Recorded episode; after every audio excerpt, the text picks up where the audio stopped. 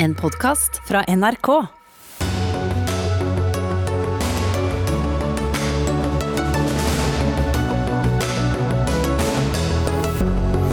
Innstrammingene i smittevernreglene kom på plass i løpet av få timer, og de som ga råd var ikke alltid enig med hverandre, men nå må alle forsøke å forstå dem. Politiet mener de ikke får nok tid til hverdagskriminalitet og til å være ute blant folk. Men de tenker for gammeldags om hva som er hverdagskriminalitet, mener justispolitiker fra Høyre. Det er 20 år siden fremtredende politikere kunne stå frem som homofile. Men i herrefotballen, der er det visst fortsatt vanskelig. Hvorfor? Og kirkene de tviholder på sin orgelmusikk, men folket de vil bare gå ned kirkegulvet til John Legend eller afterski-musikk. Men bør de få det? Ja, Dette er noen av sakene i tirsdagens Dagsnytt 18 med Espen Aas, der vi også skal innom en forsvunnet rapport i forbindelse med avstemningen om oljeleting i Barentshavet. Men det ble altså i går uh, fortalt oss, og til dels forklart oss, at det blir nye og strengere smittevernregler fra og med torsdag. Og mange spør seg hva er en kontakt, hva er en nærkontakt, og hvor ofte kan du eventuelt skifte nærkontakt, og hvor presserende var det egentlig å få på plass disse innskrenkningene eller innstrammingene nå. Helsedirektoratet og Folkehelseinstituttet ble bedt om å komme med råd, og det med ganske kort svarfrist. Ifølge Aftenposten så var det så presserende å få på plass nye tiltak at dere måtte komme opp med dem i løpet av en kveld og en natt. Camilla Stoltenberg, direktør i Folkehelseinstituttet. Var det nødvendig med så stor hastverk? Så det, var, det, er i hvert fall nødvendig med tiltak. Så det var veldig bra at det kom tiltak i går. Fordi vi ser nå en betydelig smitteøkning, som vi for så vidt har fryktet og til dels forventet. Men det skjer akkurat nå. Og nå når vi driver og samler opp tallene som vi skal presentere i vår ukesrapport i morgen, så er det helt tydelig en betydelig økning siste uke. Mm. Men fortsatt så er vi langt unna noen bølge? Ja, Det vet vi jo ikke, fordi dette kan være begynnelse på en bølge to. Men planen er jo å ikke få en bølge to, eh, og få kontroll på den smittespredningen og den økningen som nå skjer så fort som mulig. Mm. Og Fra torsdag settes det da bl.a. en begrensning eh, på fem gjester i private hjem i det ganske land, men eh, dere i FHI foreslo ti. Hvorfor det? Vi foreslo ikke ti gjester, vi foreslo eh, at man ved behov for sterkere tiltak skulle gå ned fra at 20 kan samles i private sammenhenger til 10, slik de har gjort i Oslo for noen uker siden, og slik de gjorde i Bergen i dag. Eh, men eh, det andre alternativet, altså at man kan ha en husstand pluss fem, det er ikke så veldig ulikt, egentlig. Og vi har ikke vurdert akkurat det som et alternativt eh, tiltak, men intensjonen er jo den samme. Å redusere hvor mange som samles i private sammenhenger, og den intensjonen er vi helt enig i. Mm. Akkurat hvordan man løser det, der vet vi jo ikke nøyaktig hva som er aller best. Men eh, er det da noen smittevernfaglig begrunnelse til at eh, vel 176 kommuner uten smitte skal ha disse begrensningene? Ja, det er det. fordi at det vi nå ser, er jo den kraftige økningen ute i Europa. Og det er den vi frykter at vi også kan se begynnelsen på her nå. Og dermed så er det viktig å forebygge at det skjer. Og vi har sett at det dukker opp smitte i stadig nye sammenhenger, i stadig nye kommuner. Så ingen kan føle seg helt trygge i den situasjonen for at det ikke kan dukke opp også der hvor det ikke fins for øyeblikket. Mm. Espen Akstad, assisterende direktør i Helsedirektoratet. Vi skal gi et slags øyeblikksbilde ut fra de tallene dere nå sitter på etter hvert skal presentere, hvor alvorlig er smittesituasjonen? Altså når vi vurderer det, og Litt av grunnen til at vi har litt ulikt syn noen ganger på situasjonen, er jo at eh, vi baserer oss på tallene fra Folkehelseinstituttet og den smittevernfaglige vurderingen. Men vi får også mye bekymringsrapporter og rapporter av ulike slag fra fylkesmenn, kommuner. Følger veldig med ned på hva som skjer i spesialisthelsetjenesten, altså sykehusene. Og også hva som skjer eh, i Norden og Europa eh, inn mot tjenestene. Sånn at Det bekymrer oss, den utviklingen vi har sett helt siden august. Vi har sett dette komme. Eh, først er det mange unge mennesker som smitter hverandre. Så begynner smitten å trekke inn mot eldre aldersgrupper. Så begynner innleggelsene å komme. Og Øyeblikksbildet nå for å begynne med Europa, er at eh, noen land begynner å nærme seg nivået ved inngangen til mars. faktisk. Og det ser ut som det kanskje kan bli verre enn i mars i noen av de store landene i Europa. Ikke alle land er der ennå, og Norge er definitivt ikke der. Vi har fortsatt et stykke igjen. Men når vi ser denne stigningen den siste uka f.eks., hvis det fortsetter i det tempoet, så er det ikke så mange uker til vi kan være i samme situasjon. Og Det ønsker vi å unngå, eh, av åpenbare grunner, men også fordi det er enklere å ta tak i det nå. Og Dette er jo grunnen til at vi også foreslo tiltak før høstferien, faktisk, eh, overfor Oslo. Eh, det var jo da Oslo innførte dette med munnbind, f.eks., for fordi det er mye lettere å ta dette tidlig. Så, så, det er eh, hovedgrunnen til bekymringen. Og for øvrig så tror jeg vi, eh, at det er veldig sunt at man ikke er helt enige om alt, fordi det er veldig skummelt. Hvis alle er enige, så er det dårlig kriseledelse. Vi er nødt til å på en måte se disse tingene og vurdere revurdere det hele tiden for å fatte gode beslutninger og gi gode råd til regjeringen da, som tar disse beslutningene. Mm. Men er dere i Helsedirektoratet strengere da enn Folkehelseinstituttet? Altså, Vi har en annen rolle. Altså, Vi skal koordinere sektoren ved kriser. og Da skal vi både basere det på smittevernfaglig råd fra Folkehelseinstituttet, men vi må også basere det på hva tjenesten merker, og hvordan de kjenner dette på kroppen. Og veldig mange andre faktorer. altså Innspill fra Legemiddelverket, fra universitetssykehusmiljøene, eh, fylkesmennene har jeg nevnt. Og eh, jeg vet også at Helsedirektøren har samtaler med de nordiske kollegene sine om disse tingene, og ser veldig også an til hva man gjør i Norden, høster erfaring derfra. Så vi må tenke på det brede bildet også. Og så må regjeringen da tenke enda bredere, for de skal da vekte økonomi og masse andre ting inn i dette. her, og Derfor så blir disse rådene og kjeden av råd blir litt annerledes når da det kommer til slutt en konklusjon. Mm. Men, men Stoltenberg, derfor så får man jo inntrykk av at mange av disse rådene er mer føre var-råd enn rene smittevernfaglige råd?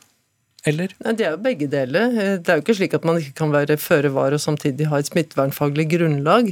Eh, vi skal jo ikke vente på at det verste skjer før vi gjør noe.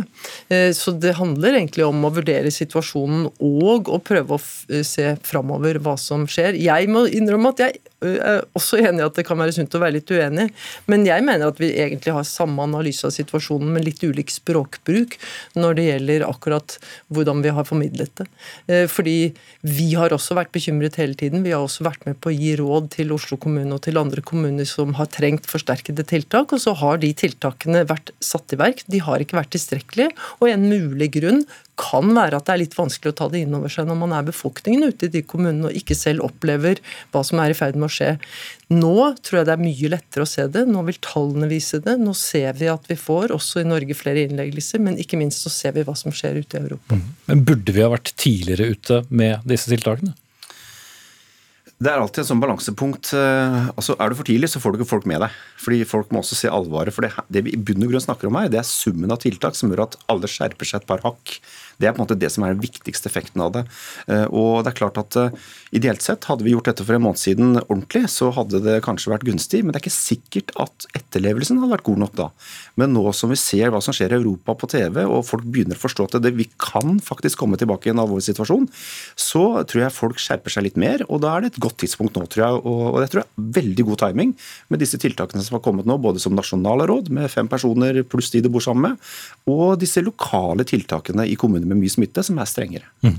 Jeg skal stille noen spesifikke spørsmål til dere begge om litt, som, eh, som publikum har, har sendt inn til oss. Men for å forstå litt omfanget som er når en person er smittet, så har vi hentet inn deg, eh, Gunhildur Arnadottir. Du er sykepleier og, og leder arbeidet med smittesporing og smittevern mot dette koronaviruset i en av bydelene i hovedstaden med høy smitte. Og rent konkret, hva skjer når dere får inn navnet på en person som er registrert med smitte? Hvordan jobber dere?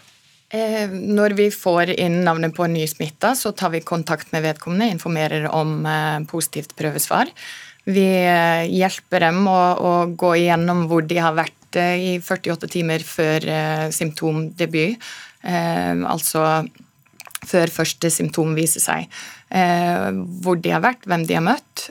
vi ber dem om å oppgi navn og telefonnummer på, på alle de som kan defineres som nærkontakter. Så må vi ringe og informere disse nærkontaktene og pålegge dem karantene. Hvor godt husker folk fra de siste par døgn? Det varierer jo, men, men, som regel, hvis du har blitt testa, så har du hatt opptil et døgn mens du venter på prøvesvaret på å, å tenke kverne over det. Og de fleste har jo tenkt seg godt om og, og tenkt godt tilbake. Um, har tro på at, at, vi får med det meste. Eh, heldigvis. Men eh, nå er det selvfølgelig store forskjeller både på hvor du bor og hvordan du lever livet ditt og hva du gjør på fritiden osv. Men hvor mange mennesker kan da en smittet eh, ha vært i kontakt med i løpet av en sånn periode? Eh, Vi ser veldig store variasjoner. Eh, I mars-april, så når alle var veldig flinke, så så vi et gjennomsnitt av nærkontakter eh, sånn ca. tre-fire per, eh, per smitta. Nå er det gjennomsnittet nærmere ti. eh, 10-12. Eh, Vi ser tall alt opp til Jeg tror det verste tilfellet vi har vært med på, var 80 nærkontakter. En person har vært i kontakt med 80 stykker. Mm. hva er inntrykket ditt? Hvor flinke er folk til å følge reglene? Folk flest er, eh, er flinke. Absolutt. Men er, vi ser jo store variasjoner i eh, hvor flinke folk er til å etterleve disse tiltakene. Vi opplever jo i vår lille boble, vi er inne i en sentrumsbydel, bydel Sankthanshaugen, som eh, har både mange skoler, veldig ung eh, befolkning, mange arbeidsplasser, mange serveringssteder, restauranter, kulturinstitusjoner. Så det er veldig mye smittesporing som foregår eh, innenfor vår bydel. Så- Men det må jo ta utrolig lang tid hvis du skal spore opp eh, 80 stykker, som er Absolutt. verste krever, tilfelle. krever masse folk og, og masse innsats. Eh, Og selv om eh, sikkert eh, dere selv syns dere er ganske klare i rådene, så stilte jeg spørsmål på sosiale medier i dag og fikk veldig mange spørsmål som eh, folk ville at vi skulle stille dere. Vi prøver å stille noen i løpet av de neste par minuttene. For det mange lurer på er hva er en kontakt? Hva er en nærkontakt? Er det forskjell på det? Eh, Er en som sitter i kassa en nærkontakt? Er læreren min nærkontakt? Hvordan skal vi definere dette? Nærkontakt er veldig strikt definert. Det er definert som at man har vært nærmere enn to meter mer enn 15 minutter. Men så kan man si at det er en del eh, tilfeller der det kan være vanskelig å huske for det første om det er slik, og for det andre så har man diskutert liksom, om man ikke var 15 minutter sammenhengende, kanskje man var 15 minutter til sammen i løpet av en sammenkomst. Og så spiller det jo en rolle hva slags lokaler man er i, og hvor mange det samlet sett er i det lokalet. For også de som man ikke er så tett på. Hvis det er mye smitte i samfunnet, så er jo sjansen for at du møter en smittet hvis det er mange mennesker til stede samtidig, mye større enn hvis det er få. Så, så nærkontakt er strengt definert, men akkurat hvordan smitterisikoen er, er jo ikke alltid knyttet til, direkte bare til det. Naksa. Jo, og det er det som er hele poenget her, at eh, Når disse rådene om å ikke ha kontakt med mer enn fem venner i sosiale sammenhenger eh, eh, av gangen, det er jo ikke nærkontakter. Fordi Nærkontakt er et begrep som brukes når man smittesporer. Men dette nasjonale rådet nå er ikke inviter mer enn fem på middag. Rett og slett. Ikke gå på fest med mer enn fem andre. Det er liksom det rådet. Og da snakker vi om kontakt. Så det er veldig viktig presisering da, at det er noe annet. Ja. Eh, og så eh, er det noen lærere som har tatt eh, kontakt. Enkeltlærere i videregående skole sier vi er i kontakt med kanskje oppi 100 elever i ungdomsskole eller videregående skole eh, i løpet kanskje bare av en dag. Er det trygt når det gjelder smittevern? Det har vist seg ganske trygt i Norge fram til nå. fordi det er gode systemer i skolene. Det er jo egne veiledere som Folkehelseinstituttet har arbeidet ut, og som, som vi har vært med å gi ut. hvor hvor det er litt ulikt da i ulike aldersgrupper. Det er jo forskjell på barneskoler, ungdomsskoler for eksempel, og videregående. Men eh, systemet bygger i bunn og grunn på at man skal være i kontakt med færrest mulig, altså i klassen sin, og mest mulig de samme personene. Og så er det ulike grader av det i de ulike skolene. Og Dette har fungert godt, for vi har ikke hatt store utbrudd på skoler.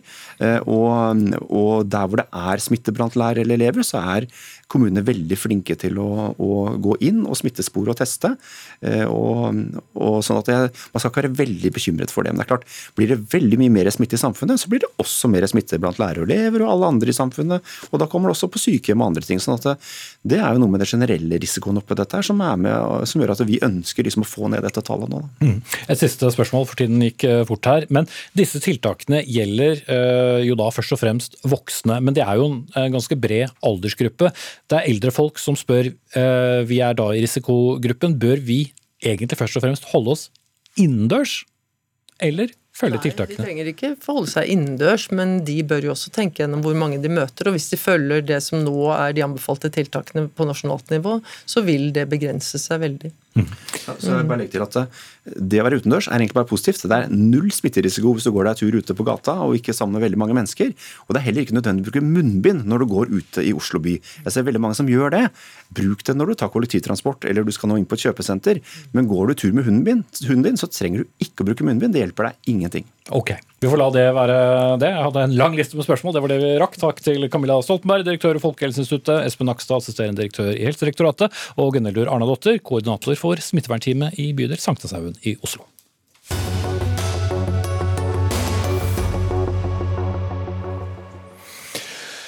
Politiet i Vest-Agder de føler de ikke lenger får bekjempet hverdagskriminaliteten. Og årsaken? Jo, det er politireformen. De bruker for mye tid foran datamaskinen og for liten tid ute blant folk.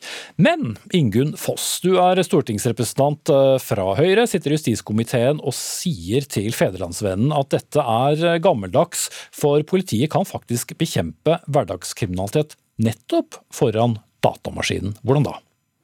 Ja, Det som, eh, som, jeg reagerte på i den artikkelen som sto i FVN, det var jo at det skapes et bilde av at eh, politireformen har ført til et eh, mindre synlig og tilgjengelig politi.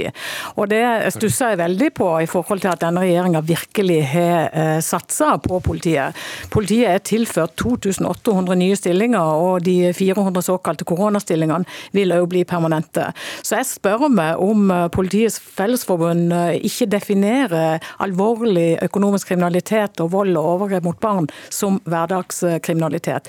Det er det dessverre blitt. og Når det er et faktum, så må politiet òg være synlig der. Mm. Ja, Sigve Bolstad, leder i Politiets Fellesforbund. Du fikk ikke med deg alt eh, som ble sagt her, eh, men eh, har dere et litt foreldet syn på hverdagskriminalitet? Nei, definitivt ikke. og Grunnen til det er at Politiets Fellesforbund er der det skjer. Vi er tett på. Vi har fantastiske dyktige tillitsvalgte ute i hele landet som eh, rapporterer om situasjonen og ståa og virk eh, virkelighetsbildet. Eh, jeg opplever at det som Foss kommer nå, det blir litt sånn flisespikkeri. altså Hva skal vi kalle det for? altså Hva er hverdagskriminalitet? Befolkningen er antageligvis ikke opptatt av hvilket navn vi kaller det for, men løs kriminaliteten, punktum. Det er nok det de er mer opptatt av. Men jeg kan bekrefte, og på lik linje som vår dyktige lokallagsleder Trond nede i Agder har sagt selvfølgelig skal det groveste, altså seksuelle overgrep mot barn, selvfølgelig skal det prioriteres som nummer én. Det er ikke det som er diskusjonen. Det han har kommentert, det er en undersøkelse som er gjort nasjonalt, og som er gjort eh, lokalt i Agder. Der svarer åtte av ti at de har ikke kommet tettere på befolkninga. De er ikke mer tilgjengelig, de er ikke mer synlige. Eh, i Agder politidistrikt. Og Det syns jeg man bør forholde seg til. Mm. Og Er det det du da sier, Ingunn Foss, at vi eh, må kanskje la noen av de klassiske tingene som eh, tyverier, innbrudd, vike, fordi politiet skal nå ta seg av en litt mer moderne hverdagskriminalitet?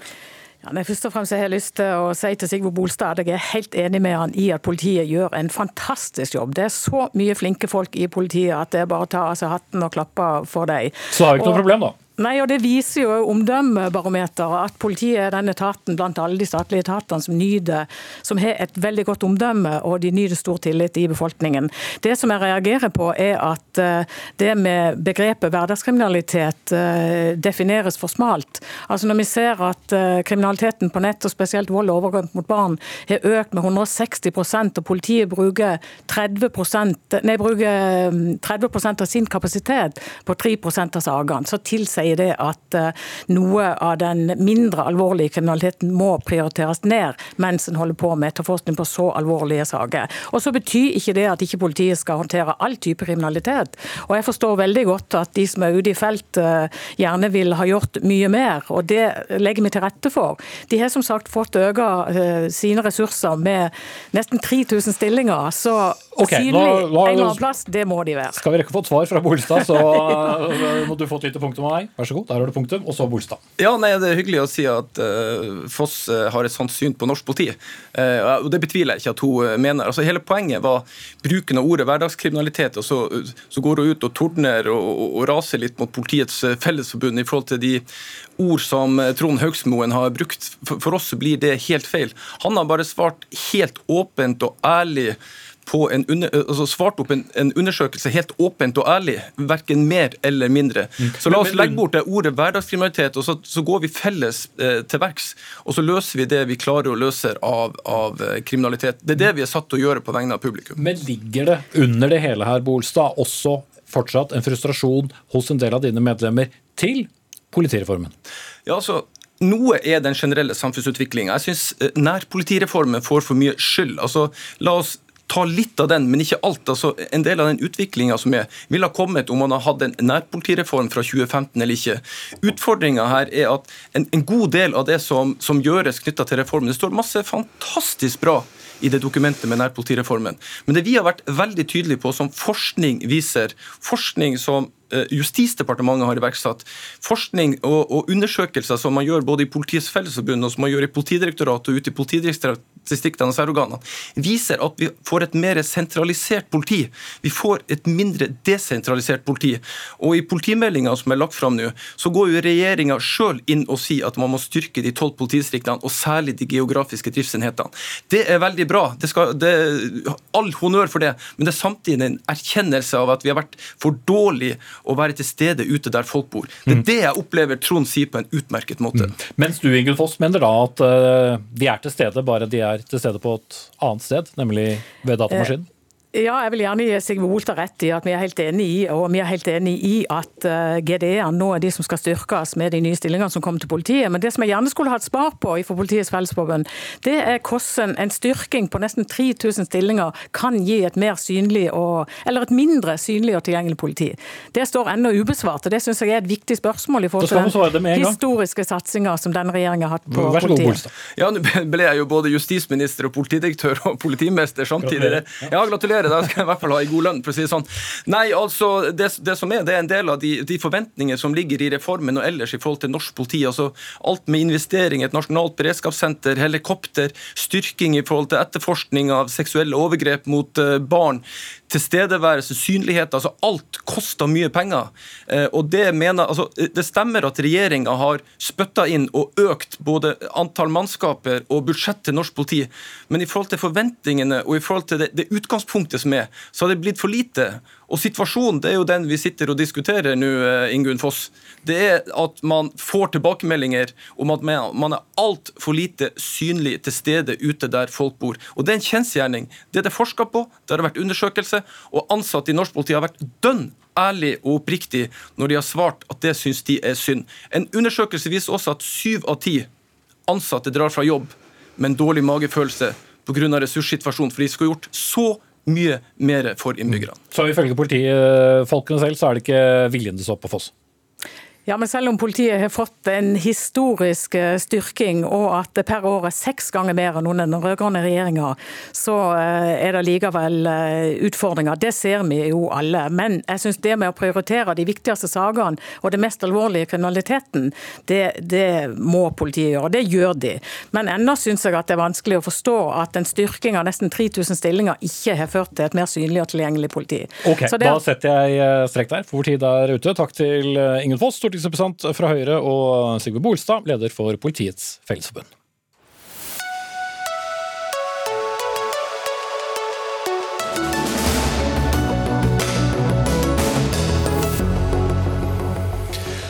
Så skal jeg bare kort fortelle om noe som kommer senere i sendingen. For to nemndmedlemmer med innvandringskritisk bakgrunn var med på å avslå en asylsøknad. Politikere bør ikke få slike verv, mener Norsk organisasjon for asylsøkere, mens det ene nemndmedlemmet sier at dette slettes ikke var politisk motivert. Men nå til eh, historien om eh, rapporten som forsvant, som eh, kanskje mange fikk med seg i NRKs radiosendinger i morges, eller på nett. For da et enstemmig storting gikk inn for oljeleting sørøst i Barentshavet i 2013, ja, så visste embetsverket i Olje- og energidepartementet at oljeletingen kunne bli et tapsprosjekt. Iallfall et oljepris på 30% kunne forårsake det. Men denne rapporten som viste dette, nådde aldri Stortinget. I stedet ga den rød-grønne regjeringen Stortinget inntrykk av at verdiene i området kunne være på opp mot 280 milliarder kroner. Denne rapporten dukker opp først nå, under klimarettssaken i Høyesterett. Og Hans Petter Graver, du er jusprofessor ved Universitetet i Oslo. At, dette, at departementet ikke la frem denne rapporten er alvorlig på mange plan, sier du. Men la oss starte med det politiske. Hva har dette å si for landets nasjonalforsamling? Ja, det er det jo først og fremst Stortinget selv som eh, må vurdere og ta stilling til. Eh, for dette berører jo forholdet mellom eh, regjeringen og Stortinget og regjeringens opplysningsplikt. Eh, og, og hvilket grunnlag da våre folkevalgte fatter en beslutning på? Ja, altså når, når, departementet eller når staten legger frem en sak, så er det jo en grunnleggende forventning til at den legges frem, og opplysningene i saken legges frem på en sannferdig måte, og på en måte som er dekkende for, for de fakta som foreligger. Så kan det selvfølgelig være slik at eh, det må forenkles. Eh, at ikke alle opplysninger og alle detaljer behøver å legges frem.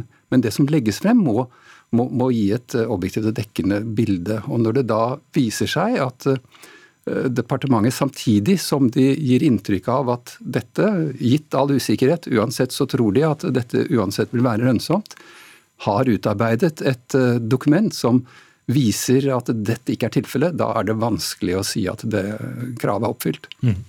Og så til uh, hele årsaken til at vi nå vet om denne rapporten. For det foregår altså en klimarettssak i Høyesterett. Miljøaktivister og organisasjoner vil ha staten dømt for brudd på miljøparagrafen i Grunnloven fordi de deler ut letetillatelser i nettopp Barentshavet, men har da i de to foregående rettsinstansene tapt. Hva kan denne rapporten bety nå for denne siste rettsrunden? Altså Lagmannsretten la til grunn når det gjaldt saksbehandlingen, at eh, det faktisk var slik som staten hadde hevdet, at dette ville være lønnsomt uansett.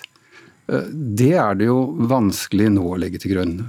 Eh, så det er opplagt at det foreligger et, et svikt i beslutningsgrunnlaget, og det er potensielt av betydning for gyldigheten av den avgjørelsen som ble truffet. Men det blir da en vurdering hvorvidt man kan tenke seg at dette har virket inn på selve resultatet.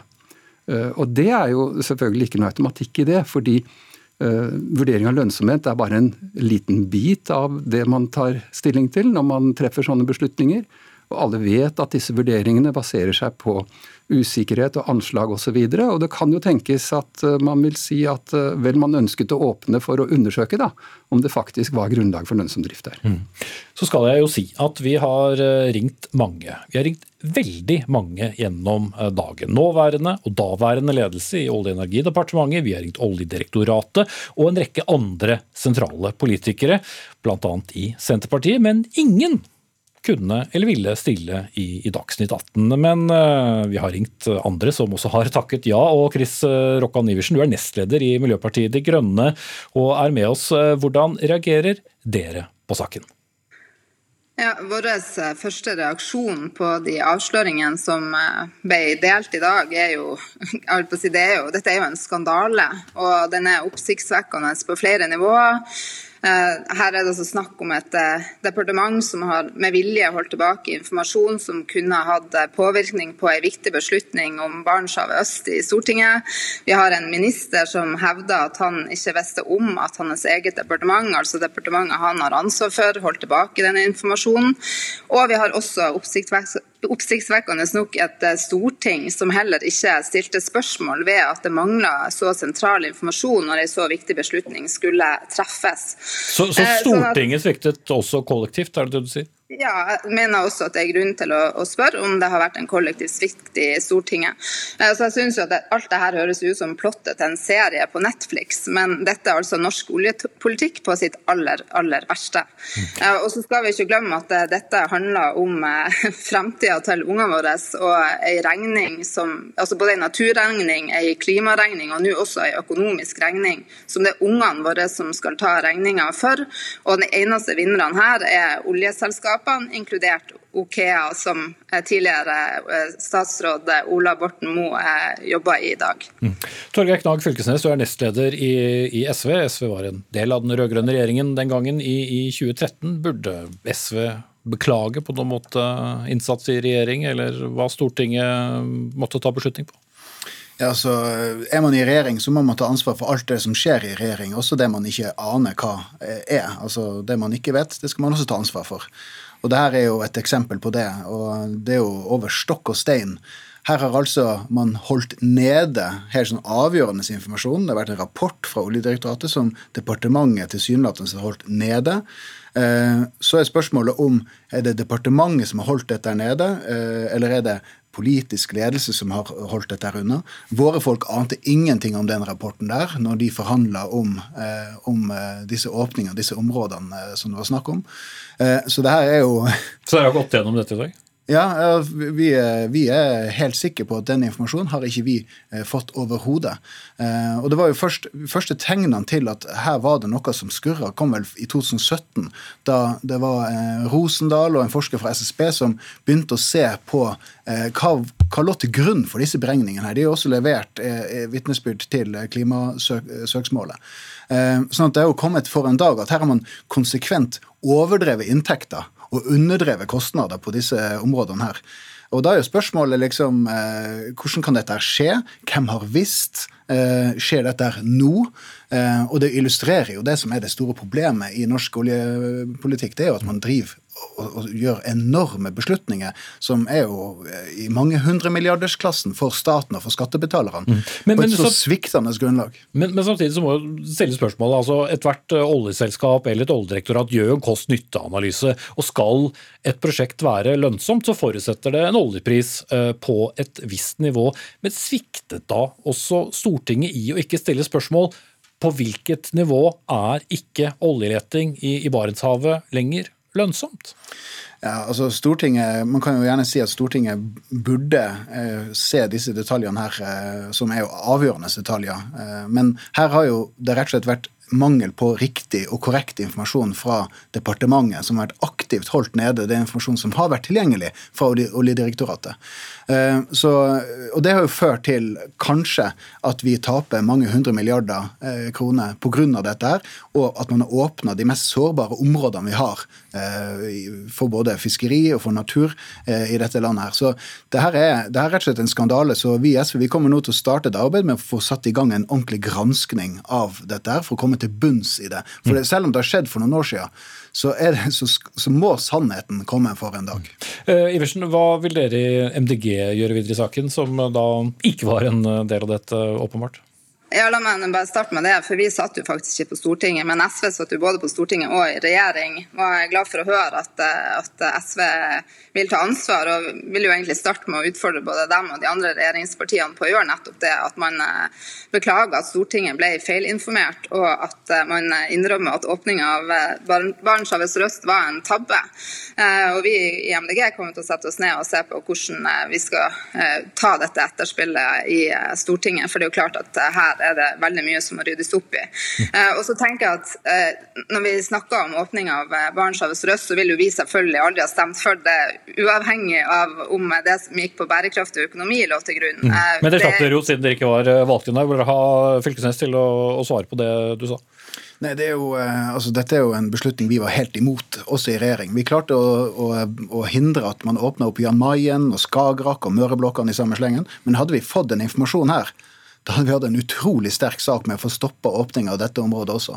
Sånn det her er jo, og det er jo grunnen til at vi senest nå i høst eh, foreslo på Stortinget stans av, av, å gi alle nye lisenser til disse områdene her fremover. Og Det var jo ikke et forslag som Miljøpartiet De Grønne kom med, det var vi i SV som fremma.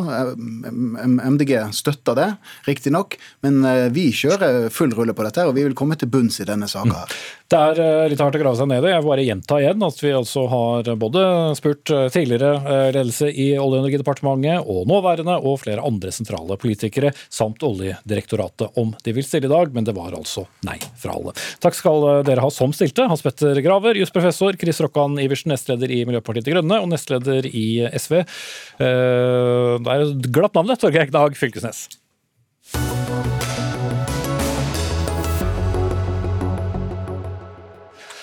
Så skal vi til um, søndagens kamp mellom Vålerenga og Kristiansund. Men det er ikke en kamp som uh, først og fremst vil huskes for resultatet, men snarere at toppspiller Flamur Kastari kalte Vålerenga-treneren Dag Eilif Fagermo for sitat 'jævla sop'. Dagen etter denne uttalelsen, som eh, Kasari har sagt han ikke forsto var eh, homofobisk eller eh, krenkende, men at han trodde var et vanlig skjellsord, så sto dommeren i denne kampen, Tom Harald Hagen, frem som homofil. Og Gjert Målestad, talsmann for Norsk supporterallianse, og selv homofil. Det jeg får lyst til å starte med å spørre om, finnes det ikke homofile fotballspillere i Norge? Ja, det er klart at det finnes eh, fotballspillere i Norge som er homofile. Men eh, det mangler dessverre de åpne toppspillerne. De eh, vil ikke fortelle dette. Og så burde det ha vært mange flere. De burde kunne vært åpne. Og jeg tror jo også at mange har forlatt fotballen fordi at eh, vi ikke har tatt dette på alvor. Mm. Og Grunnen til at jeg stiller dette spørsmålet, er at det i 2020 vekker altså stor oppsikt at en profilert dommer velger å stå frem som øh, homofil. For i hvert fall innenfor herrefotball så ser ikke det ut til nærmest å være noe tema. Nei, det er jo eh, som jeg akkurat sa, det er ingen åpne homofile fotballspillere. Eh, derfor er det så flott at Tom eh, Harald Hagen, som er en profilert person i fotballen, forteller dette. Både at han føler at han kan være åpen om det, og også for alle de i fremtiden som skal inn i fotballen, som vet at de liker noen av samme kjønn, som eh, vet at de har et talent, vet at de har lyst til å satse på fotball. At ikke de skal være redd for at eh, det ikke er plass til dem. Det å ha forbildene, sånn som eh, Harald Hagen er her, er kjempeviktig for oss. Det trenger vi. Mm. Vi trenger flere òg. Henrik Lunde, du er seksjonsleder for klubb og aktivitet, som det heter i Norges fotballforbund. Som jeg sa tidligere i sendingen, så er det 20 år siden flere profilerte toppolitikere sto frem og sa de var homofile, uten særlig store reaksjoner. Mm. Mens i i toppfotballen så lurer man jo på fins ikke homofile, eller er det et sted hvor det er problematisk å stå frem med sin seksuelle legning, som jo ikke bør ha noe å si for hvordan man spiller fotball, i hvert fall? Nei, Om det er mange som er i skapet, eller at homofile menn ikke ønsker å gå inn, det kan man jo diskutere. Det er jo et idrettsproblem. Det gjelder jo idretten generelt. På globalt så må fotballen ta ansvar for sin arena, og det er kjempebra at Tom Harald gjorde det han gjorde nå. og Vi håper jo helt enig med Gjert at det er kjempeviktig at en voksen fyr som Tom Harald står fram på den måten han gjorde. Uh, men hvor er det da det svikter, eller hvor er mangelen når man i, i 2020 bruker soper som et skjellsord? Vi har jo mange ganger tidligere i Dagsnytt 18 også diskutert uh, de, uh, at man har apelyder mot fotballspillere med en annen hudfarge enn hvit uh, osv. Er, er fotballsupportere litt, og, og fotballspillere litt, litt sene? og det scene skal jeg ikke si, men det er klart dette er et eh, samfunnsproblem som også viser seg på fotballarenaen. og da Fotballen har en, på en måte en, kultur, en verbal kultur som man ikke har på så mange andre arenaer. slik at Der kommer de tingene fram. og så har det vært veldig bra de siste ukene at tross alt, når det er så få tilskuere, at det da blir hørt, og så blir det reagert. Og Det syns jeg er positivt, både med de rasismesakene vi har hatt, og også denne saken.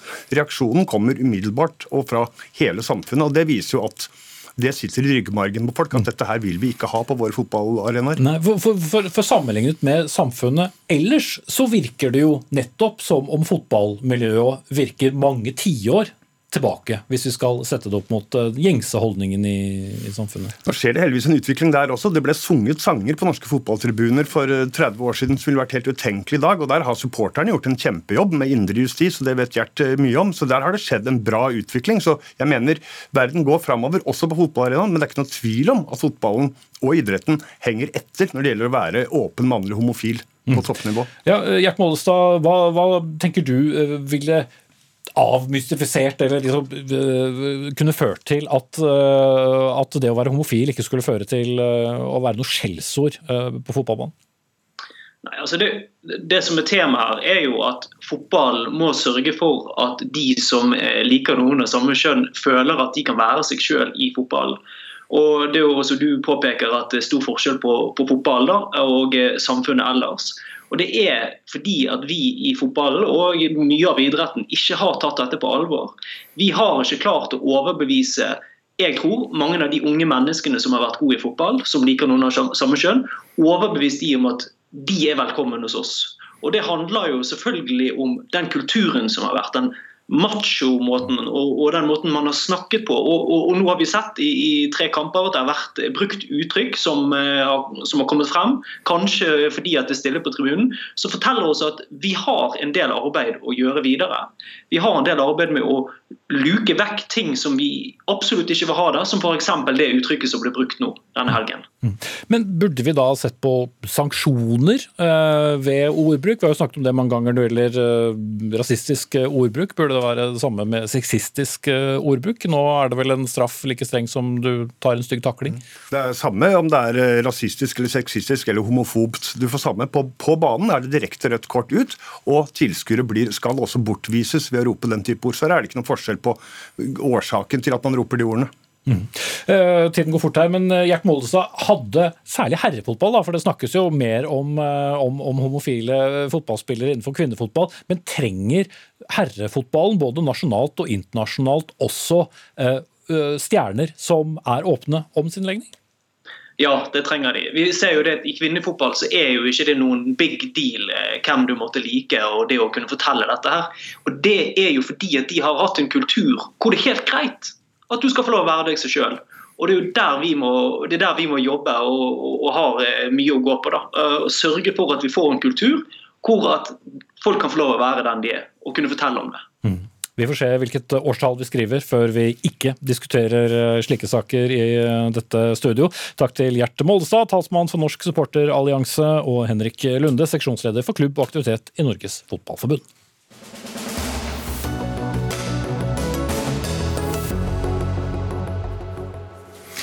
Så skal det handle om eh, norsk asylpolitikk og utøvelsen av denne, og ikke minst sammensetningen av de nemndene som behandler asylsøknader som kommer til Utlendingsnemnda, eller UNE.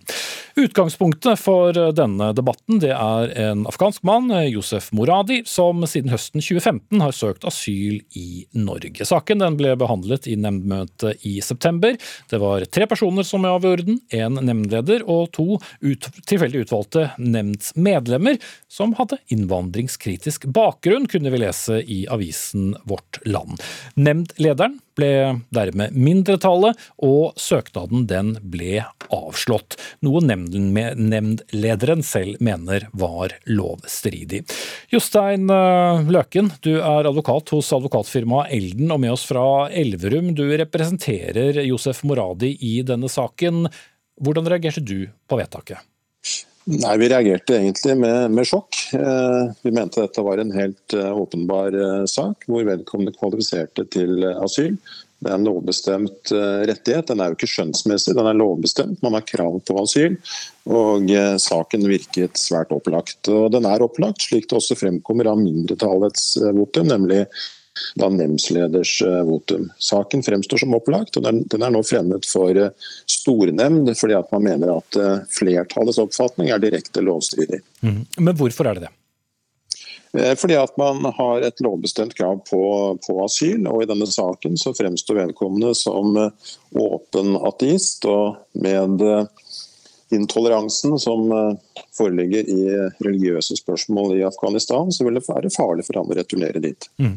Men bare for å ha brakt det også på det rene løkken, det at den faktisk eh, nemndbehandles, betyr vel at den i utgangspunktet ikke er så enkel at den bare kunne vært behandlet hos UNE, eller? Eh, de sakene som eh, fremstår som ligger an til å få eh, opphold, de havner gjerne i nemnda. Jeg har vært der en rekke ganger, og stort sett så får de som møter nemnd, får asyl. Mm. Det er det vanlige. Sissel Ekeblad Andersen, du er nemndmedlem i UNE, og var en av de to som uh, mente uh, at søknaden burde avslås. Du er også Frp-politiker i Lillesand. Hva var begrunnelsen for å avslå? Ja, Nå har jo ikke jeg noe offentlig eh, plikt til å uttale meg hvorfor han ble avslått, men han har jo fått ganske mye medieoppmerksomhet, saken. Så det at eh, eh, Saken var slik at vi skulle bare forholde oss til et eh, nytt moment som hadde kommet inn i saken, og den fant vi ut at den spilte ikke så stor rolle i forhold til de forrige vedtakene som var gjort i denne saken. Derfor ble flertallet enige om at eh, vi gikk for UNEs første vedtak. Mm. Så dere støttet det første vedtaket. Så har det kommet da påstander i ettertid om at avgjørelsen var politisk motivert. Du, med din Frp-bakgrunn, det andre medlemmet representerte eller var anbefalt inn av innvandringskritiske Human Rights Service. Hva svarer du til det? Ja, det, det, det ble jo helt forkastelig. Nå har jo jeg sittet i UNE siden 2012. Og eh, Hvis jeg skulle tatt med meg mine overbevisninger inn i, i slike møter, så, så, ble det jo helt galt. Det er akkurat som advokat Løken. Jeg er sikker på han forsvarer mange som ikke han er enig i. I, i, i bakgrunnen av disse, eller hva de har gjort, eller at, eh, hvor, de, hvor de står hen. Så det, for meg ble det jo helt dumt å si sånn. Hele demokratiet vil jo ramle hvis det at vi, for det om vi er medlemmer av et parti, skal bli tillagt eh, at vi er innvandrerfiendtlige. Altså, jeg har ingen problemer med å legge fram min bakgrunn som lokalpolitiker i slike saker. Mm. Det, det, det, kan jeg stå inne for. Jeg har eh, behandla utrolig mange saker i UNE uten å ha den innstillinga at det er noe som jeg tar med meg hva jeg står for. Ja. Eh, eh, Løken, eh, det sitter jo mange politikere i disse nemndene. Er det greit at folkevalgte utgjør en stor del av sammensetningen? På den ene side så har jo politikere god samfunnsinnsikt. På den annen side så er det veldig farlig hvis de tar med seg sine politiske holdninger inn når de skal avgjøre en slik sak, hvor det er snakk om liv og død, og det er snakk om lovbestemte avgjørelser som ikke er preget av av skjønn. Man har krav på asyl dersom vilkårene da er til eh, stede. Mm. Stort sett fungerer det greit, men dessverre noen ganger så opplever vi at uh, det er en tendens til at de som da er innvandringskritiske, da stemmer nei i slike saker. Mm. Men i denne saken så er det først og fremst det juridiske du peker på? Ja, for uh, det fremgår uttrykkelig av mindretallets votum, av nemndsleders votum, at den avgjørelsen ble lovstridig. Ok. Andreas Furuseth, du er fungerende generalsekretær i NOAS, altså Norsk organisasjon for eh, asylsøkere. og som jeg sa i sted, så De fleste sakene i UNE avgjøres uten nemndmøte. Men hvis det er tvil, så sendes den da til et nemnd, som i, i denne uh, saken. Syns du det er problematisk at uh, det er uh, folk med politisk bakgrunn som også sitter i disse nemndene? Jeg vil for det første si at jeg har ikke noe grunnlag for å si at Andersen her har Eh, måtte lagt noen politiske motiver til grunn, men, men, det denne saken illustrerer, er at sånn som systemet er lagt opp, så vil man kunne få trukket ut to nemndmedlemmer som i utgangspunktet er svært innvandringskritiske, eller det motsatte. Man kan trekke ut personer som er innvandringsliberale. Mm. Betyr... Så hvis det ville vært to SV-ere, f.eks., så ville det kun stilt spørsmål ved deres troverdighet pga av partibakgrunn, ikke hvorvidt du er enig eller uenig i deres politiske ståsted. Det er det du mener? Det gir i hvert fall grunnlag for mistanke om at avgjørelser kan være fattet på politisk bakgrunn. Og, og det er, vil også kunne oppfattes som mindre, si, en mindre legitim avgjørelse, fordi man kan stille spørsmål ved om det er den faktiske saken som er vurdert, eller om det er politiske motiver som er tatt inn i beslutningen. Og Derfor så mener vi at det er grunn til å stille spørsmål ved om politikere skal kunne utnevnes som den medlem. og Vårt primære fokus er jo at vi ønsker en mer kompetent nemnd med fagpersoner som i utgangspunktet har mer erfaring og mer kunnskap om utlendingsfeltet, sånn som man bl.a. har i Danmark. Mm. Hvor man da kan få avgjørelser som er basert på mer kompetanse, og i mindre grad spriker ut fra hvem som blir utvalgt. Mm. Ja, uh, Andersen, da for så vidt både, både Løken og, Furuseth har understreket at ikke de uh, mistenker deg for å, å ha foretatt uh, avgjørelsen din på, på bakgrunn av ditt politiske ståsted. men Eh, som, som Furuseth sier her, også kan det likevel stilles spørsmål ved det, og så kan trekkes i tvil. Hvordan skal politikere da, uavhengig om de er eh, innvandringsliberale eller kritiske, forholde seg til det? Hvis troverdigheten trekkes til på den måten? Det kan du gjøre jo i alt i samfunnet. fordi at eh, Om du setter inn eh, kompetente folk med, med bakgrunn, så har jo de òg meninger. Alle har meninger. Eh, så kan jo diskutere om det kan være en løsning, det, det kan ikke jeg ta stilling til. Men uh, jeg tror at de fleste som tar på seg et sånt verv, eh, gjør det av helt andre grunner enn å dra med seg sin politiske overbevisning inn i det. Mm. Men er det lett å skille jus og politikk, syns du? Ja, jeg, jeg, jeg syns det er vel. Jeg har ingen problem med det.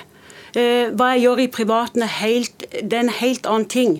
Eh, eh, det er jo som at du sitter i eh, i forliksrådet, eller hva du gjør. Alt dette her har jeg vært gjennom i mange mange år. Eh, jeg, jeg, tør å si at i hvert fall for mitt vedkommende klarer jeg å legge eh, det bak meg hva jeg holder på med politisk. Og fordi om jeg er i Frp, så vil jo ikke jeg påstå at jeg er innvandrerfiendtlig. Eh, jeg kan være enig med Frp, og jeg kan være uenig med Frp. Ja, og Føresett, altså Folkevalgte, det er jo folk som en stor del av folket har tillit til når det gjelder å sitte i kommunestyrer, fylkesting, og også på, på Stortinget og etter hvert i regjering. Hvorfor skulle vi ikke ha tillit til at de gjør sin plikt også i slike nemnder? Nei, jeg, jeg, mener at i utgangspunktet så, så, må man ha tillit til at folk gjør en samvittighetsfull jobb når de er i et sånt verv som det er å være nevnt medlem. Mm. Men jeg mener at det er det vil virke ganske åpenbart at hvis du har en nemnd som er satt sammen av to personer med innvandringskritisk bakgrunn, og to personer som har svært innvandringsliberal bakgrunn, så vil sjansene for å få opphold være betydelig forskjellig. Og det tenker jeg at på et felt som asylfeltet, hvor en uriktig avgjørelse i verste fall kan innebære liv eller død, tortur og fengsling, så er det grunn til å stille spørsmål ved om det er et godt system. Og om man skal da se på et annen mulighet eh, hvor da politiske eh, si, personer som har verv, er med i, i, denne beslutningen. Så I motsetning til Andersen sier, så mener du at det er ikke så åpenbart å tro at en politiker, enten den står for det ene eller andre, legger politikken til side og kun leser jussen?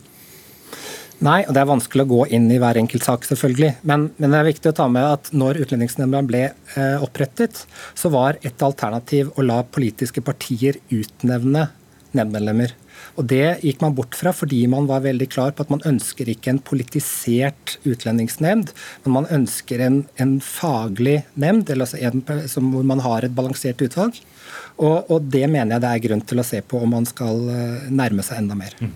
Vi har i hvert fall eh, debattert noen av problemene her i studio. Takk skal du ha, Andreas Furuseth, fungerende generalsekretær i NOAS. Takk til Sissel Ekeblad Andersen, som var nemndmedlem i UNE, også lokal Frp-politiker, og Jostein Løken, advokat hos advokatfirmaet Elden.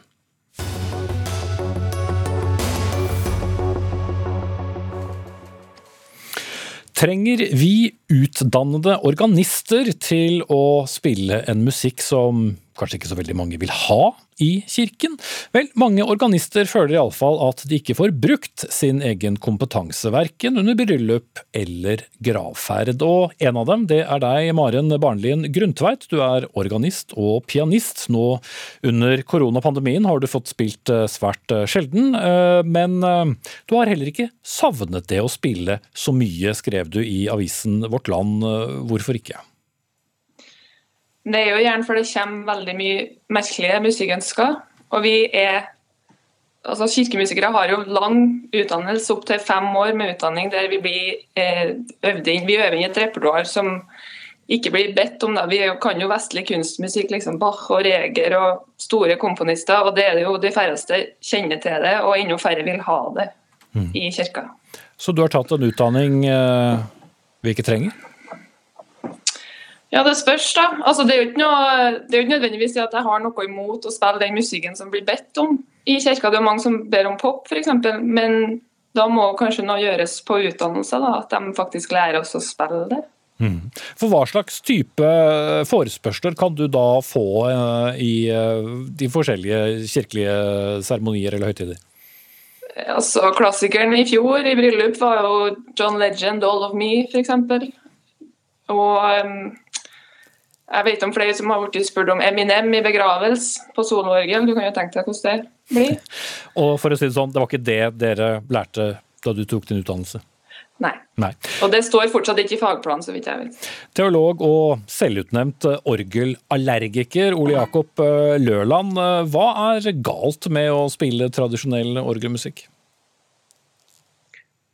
Nei, Det er ikke noe galt med å stille, spille tradisjonell orgelmusikk, men Eh, det er galt at kirka ensidig fokuserer på eh, så smale musikktradisjoner med så lite nedslagsfelt eh, blant folk flest, og at man tar opp i seg så lite av det som i dag, i de siste tiårene i vestlig kultur, har vært folkeeie og, og, og alminnelig kultur. Og da må man inn i populærkulturen for å, for å forstå hvilke ressurser man går glipp av, og, og, hvilke kulturelle former man, man, nedprioriterer på bekostning av andre.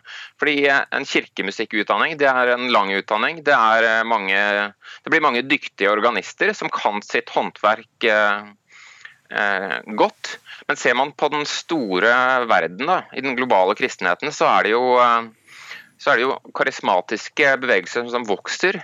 Eh, på bekostning av tradisjonelle kirker. Og Det er ikke alt som er like positivt med dem, men det er én ting som de har forstått, og det er å tilpasse seg sin tids, eh, sin tids eh, musikkform.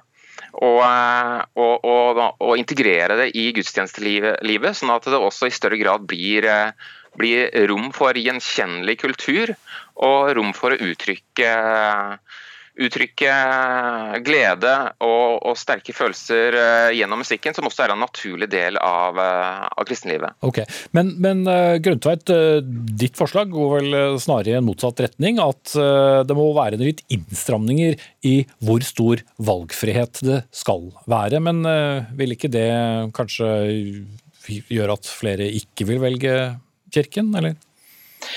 Altså, Kirka generelt sliter jo med at folk møter opp så Den norske kirke, da, så Folk søker jo til andre menigheter, og jeg er enig i det. Folk søker til menigheter der det er festligere musikk. Men jeg mener at også han Løland her, han har snakka om at det er, folk søker bort fra kirka for å få bedre musikk, men kirka holder seg jo fast i dette.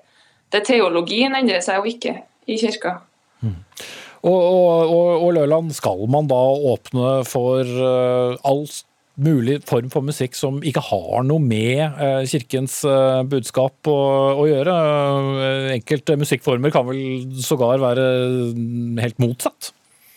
Jeg tenker jo slett ikke at man skal helt sånn ukritisk og prinsippløst omfavne alle mulige uttrykk som finnes i populærkulturen, men i det arbeidet vi gjorde da vi skrev boka 'Bibelen i populærkulturen', så oppdaget vi eh, høyst varierende bruk av bibelske motiver, også innenfor populærmusikken, som, som eh, går under kirkens, eh, kirkens, radar, og som eh, minner, at, minner, oss om at det finnes ubrukte ressurser som, som både kan gjøre utdanningen mer allsidig, men også kirkemusikkutdanningen mye mer allsidig enn den er i dag.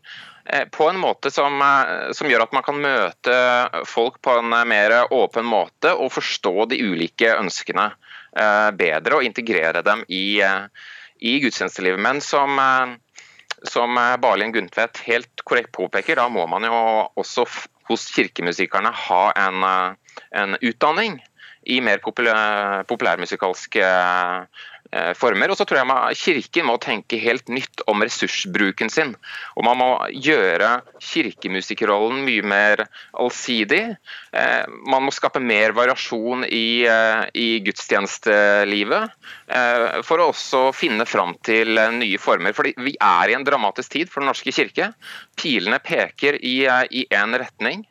Vi, vi, ser, vi, altså vi har sett en mye større åpenhet i teologien de siste tiårene. Mm. Sterkere kvinnelig lederskap, en stor grad av demokratisering. Men kirkemusikken den har stått i veldig stor grad på, på stedet hvil. Mm. Ok, jeg bare bryte deg der, Løland og, og, og Guntvedt. Eh, er organister generelt sett eh, åpne nok for andre sjangere, eller er dere litt konservative?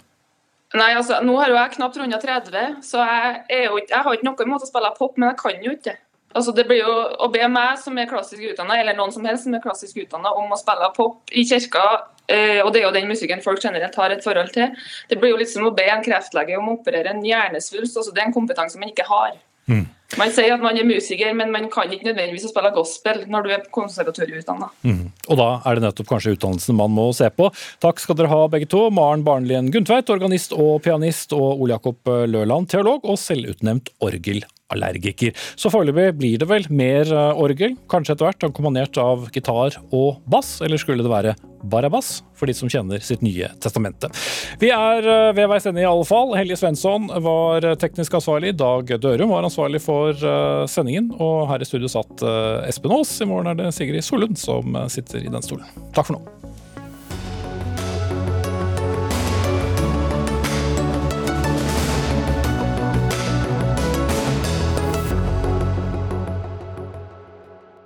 Du har hørt en podkast fra NRK. Hør flere podkaster og din NRK-kanal i appen NRK Radio.